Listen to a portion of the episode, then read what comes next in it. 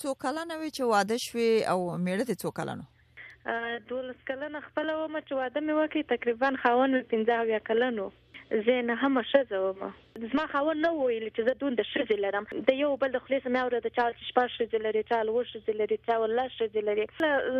ما د ده سره واده وکړ، البته زه کوچنۍ وم، دولس کلنه وم، په هغه وخت کې حتی خپل په کور کې مې نه وم، چې کله د د مشر خور په کور کې مې ومه د یو څو شپو د پاره تللې وم دغه ځای چې رالم چې د یو بل د خولې څخه بریدلم چې زما پلار زما شیرینی ور کړې و خو د څه به خبرېدم چې سپینجری ته ور کړې اته په دې اندازه باندې مې فکر نه کوي چې په دې اندازه باندې باغ سپینجری وي چاته د نیکه فکر لانه سمورته کولای نو ما چې کله مې خپل خاون ولې د تاسو باور کې نو ما داسې فکر وکړ چې زه د خپل خسر په بغل کې ولاړ یم، ماته تر هغه اندازې پورې چې ما د خپل خاوند د خولې څه اورېدله چې ده زما په وږو باندې لاس کښېښوی او ماته یې ویل چې ما داسې یو مېرمن د خدای غوښتل. در هغه ساعته پورې ما پر ده باندې د خپل خاوند فکر نه کړ، کله چې مې په دې دې ته متوجه شوم چې دا مې خاوند دی نو د هغه ورځې څخه مې ارمانونه ټولې خوشالۍ ټولې هیلې مې ټوله د خاورو لاندې کړې هم تر دې لحظې پورې.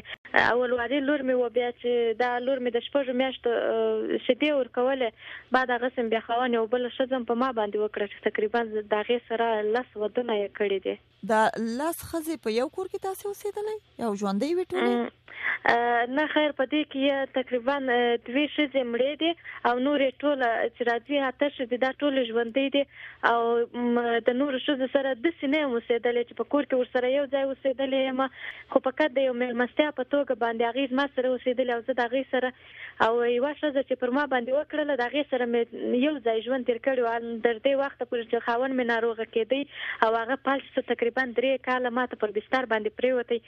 بعد هغه ځای بیا هغه ښځه چې پر ما باندې کړې وه چې دا خاوند مې ناروغه شو، هغه ولاړه هرات ته ولاړه خپل د وروڼو و پلار سره. ښه پوښتنه دې کړې وه د خپل خاوند نه چې دې ولې دومره ډېرو ښځو سره واده کړی؟ کله چې خپل خاوند ته کښېنستم چې ولې داسې نکاوې کړې یا ولې دونه ښځې کړې تا څه مجبوري درلودله ما به ده به اوله پر ځان باندې منله نه او کله چې به مې پر ده باندې د یو ثبوت سره به مې دی نیوی او د ده څه به مې ویل چې خیر دې اوس خو دې کړې ما ته خو یې راز ووایه چې دا دا څه خبره وه په څه خاطر دې کړې ده به ویل ول چې کله زه ما قسم د خدای سره کړی دا مې وعده کړې ده چې زه دوه لور ښځې پر کوم مال چې ولې و چې دا مې ژوند دی فقط خپل ژوند شاد او باد ساتم ما به ورته ویل چې دا دې ژوند دی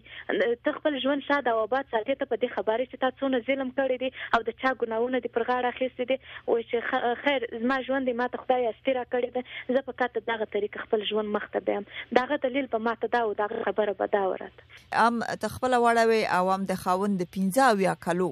ولې د پلار ورته ورکړي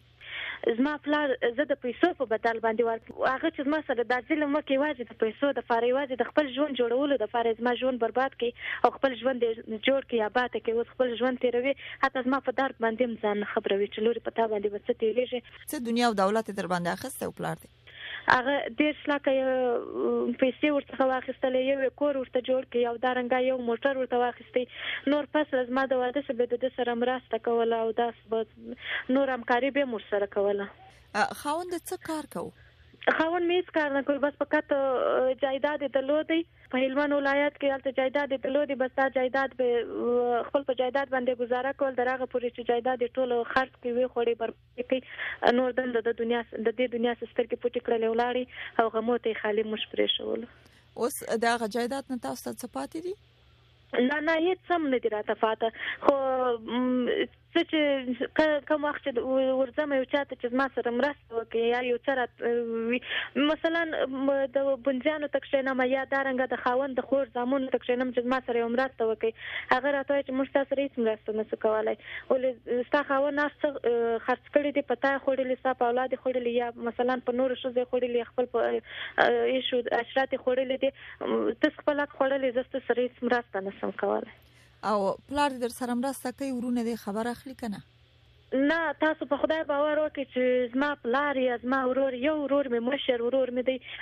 درې وړونه لرم دوه وړونه مې کوچنی دي لا تر اوسه د ګچ وچ نه دی درسونه وایي او پلار خو بیخي بیخي زما سره هر تازم پلار ته د پلار په نامه باندې نه سم ویلی ځکه چې داسې یو پلار ته چې ولاړېږي د لور ژوند ور ته اچوي هغه ته بیخي زما خوله په پلار ویلو باندې نه خلاصېږي او پلار هم دغسې بیخي زما سره د یوې افغانۍ د یوه دغه څو عمر کیږي زه کابل ته راغلیم تاسو په خدای باور که یو مسکال مې د فلا را باندې بیخي آرام دي چې ماته به زنګ ولې چې لوري په څه حالات کې قرار لري څه کوي څه نه کوي مېرمن ارزو د بچیو پالنه روزنه دې کې در سره څوک مرسته کوي خرڅ خوراک د کومه کوي زه ما درته ویل چې در اوسه مې نه د دولت څه نه د رایت څه او نه مې د خپل خپلوانو څه یوه افغانۍ مرسته نه ده لیدلې زه ما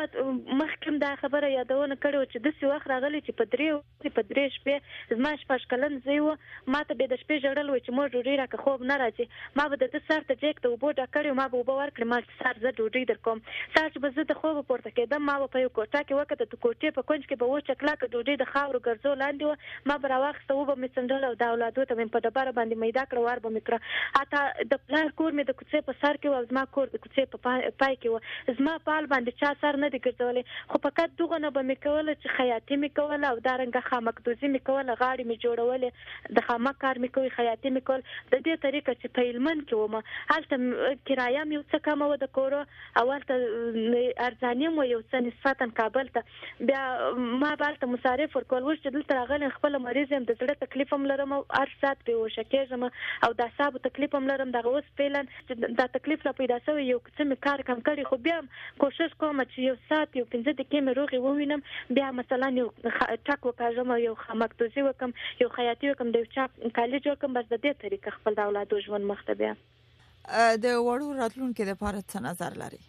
ما مخکې یادونه وکړه چې زه مې خپل آینده د خپل اولادو په سترګو کې وینم هڅه کوم کوشش کوم چې اولادونه مې درس وایي تعلیم وایي ولو که زه وږي بېدېږم خو زه د اولاد لپاره د مکتب لپاره د درس لپاره د سبق لپاره زمينه مساعدوم او خپل اولاد ته پورې در اخر